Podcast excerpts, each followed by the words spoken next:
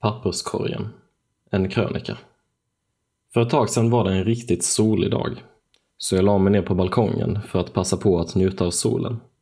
När jag låg där och försökte slappna av började tankarna snurra. Tankar om framtiden och andra oklarheter. Jag kände hur stressen kom krypande och jag lyckades inte slappna av som jag ville. Även om jag visste att jag på många sätt stressade upp mig i onödan så fick jag svårt att andas vanligt och hade nära till tårarna. Efter några minuter bestämde jag mig för att ringa min syster. När jag började prata med henne tog det inte lång tid innan jag kände mig mycket lugnare och kunde andas normalt igen. Ibland behöver jag få kasta ur mig saker och vi brukar skämta om att hon är som min personliga papperskorg.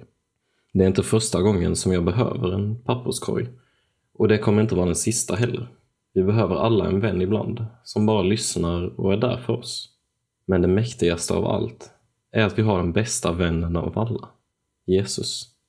Han vill också vara vår papperskorg och finnas där för oss när vi blir oroliga. I första Petrusbrevet kapitel 5, vers 7 står det och kasta alla era bekymmer på honom, för han har omsorg om er. I dagens samhälle finns det många som kämpar med stress och ångest. Men mitt i allt detta finns Gud där för oss och lyssnar när vi behöver kasta ur oss saker. Vi kan vända oss till honom när som helst. Det är till och med ännu enklare än att ringa en vän. Och hos Gud är det dessutom aldrig upptaget.